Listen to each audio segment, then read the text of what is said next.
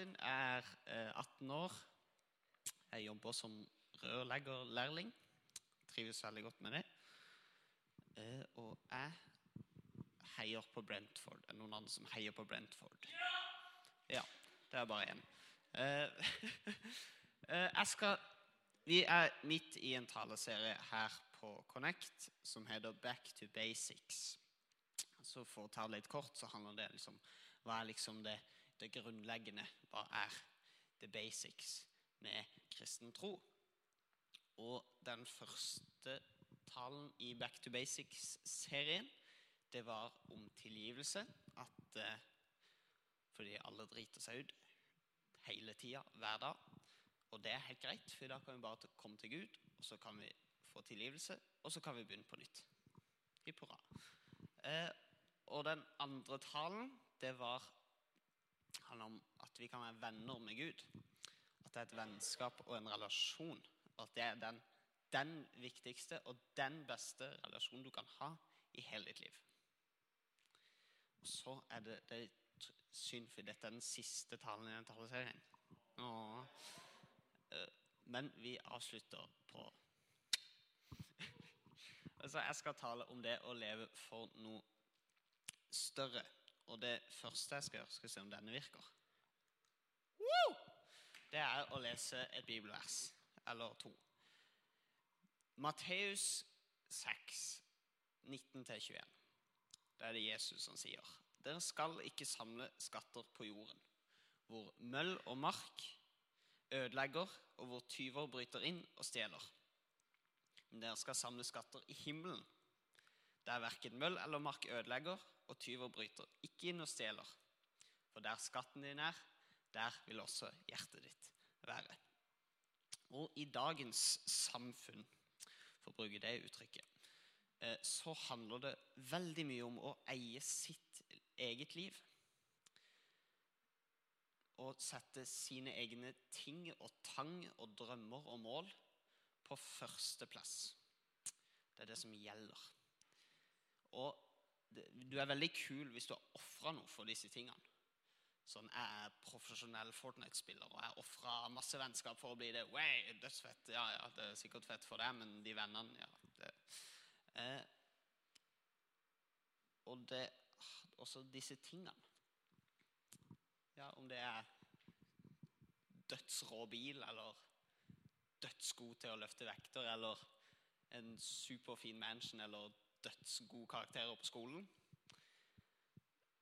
Og alle valgene du tar, skal føles riktig for deg. Og ingen andre har egentlig noe å si på de valgene.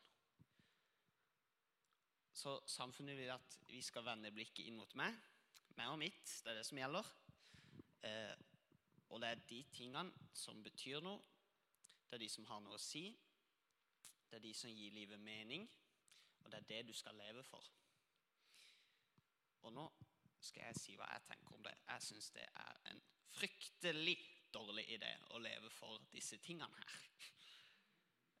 Fordi dette er ting som kan ta slutt i morgen. Dette lønner seg ikke i det lange løp. Hva gjør du hvis du krasjer Lamborghinien din? Eller hvis mansionen din brenner ned? Eller hvis du blir sykemeldt, og så kan du ikke trene lenger?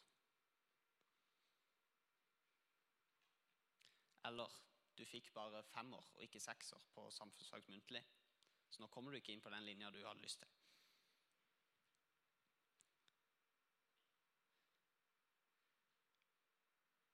Og når alle disse tingene som du har jobba så mye for, bare forsvinner, så sitter du igjen med det som kan føles og virke som et meningsløst liv.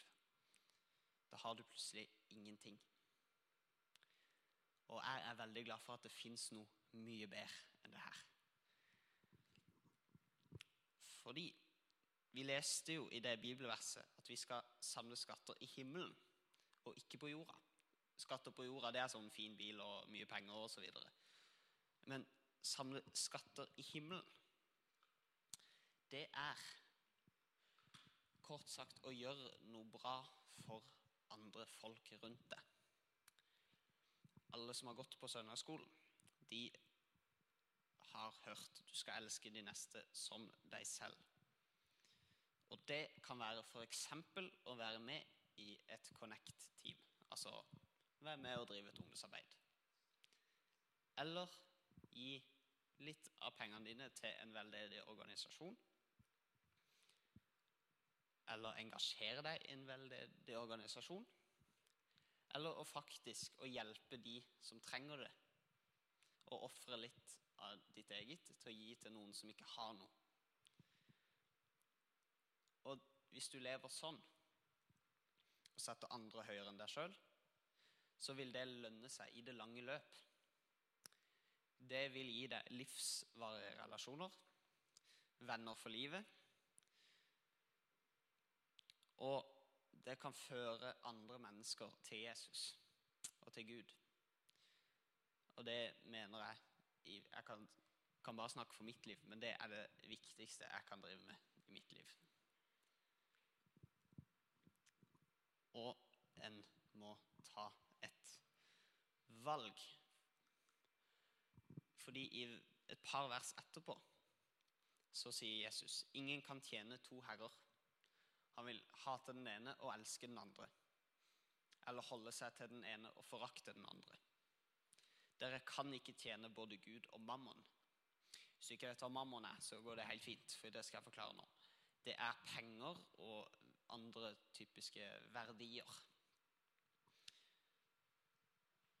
Fordi vi leste jo at der du har skatten din, der vil hjertet ditt være.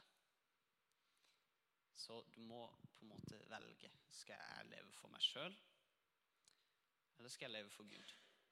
Noe, leve for noe større eller noe bedre? Og så kan du spørre ja, men hvorfor skal jeg gidde å leve for Gud?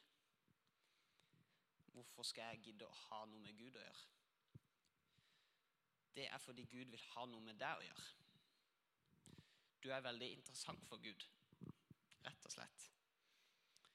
Og den samme Guden som skapte alle stjernene og alle planetene og alle menneskene og alle dyrene og alle plantene og alle sandkornene og alle de irriterende steinene du får i skolen.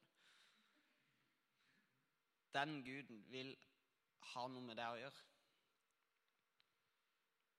Og når livet er dritt, så er det ganske godt å tenke på. Fordi den guden er glad i det. Og den guden elsker det. Skal se om jeg har Der. Fordi Gud har en plan for deg. Fordi Gud er glad i det. Og hvis, hvis du trenger det bekrefta, så står det på alle de plassene i Bibelen at Gud er glad i deg. Og det er bare noen av de plassene som står det. Å leve for Gud, det er det beste valget du noen gang kan ta. Og det beste livet du noen gang kan leve. Men det betyr jo ikke at alle dagene er sus og dus. Det er jo bare å spørre spør jorden om alle dager er superbra. Men Gud er bare god, og det betyr at alle planene han har for deg, er bare gode. Så jeg vil sterkt oppfordre til å velge Gud før du velger deg sjøl. Kjære Gud, takk for alle som sitter her. Og jeg vil be om at du skal hjelpe oss med å velge det. Og se litt vekk fra de tingene som egentlig ikke betyr noe. Jeg ber om at du skal åpne øynene våre for å se de som trenger det.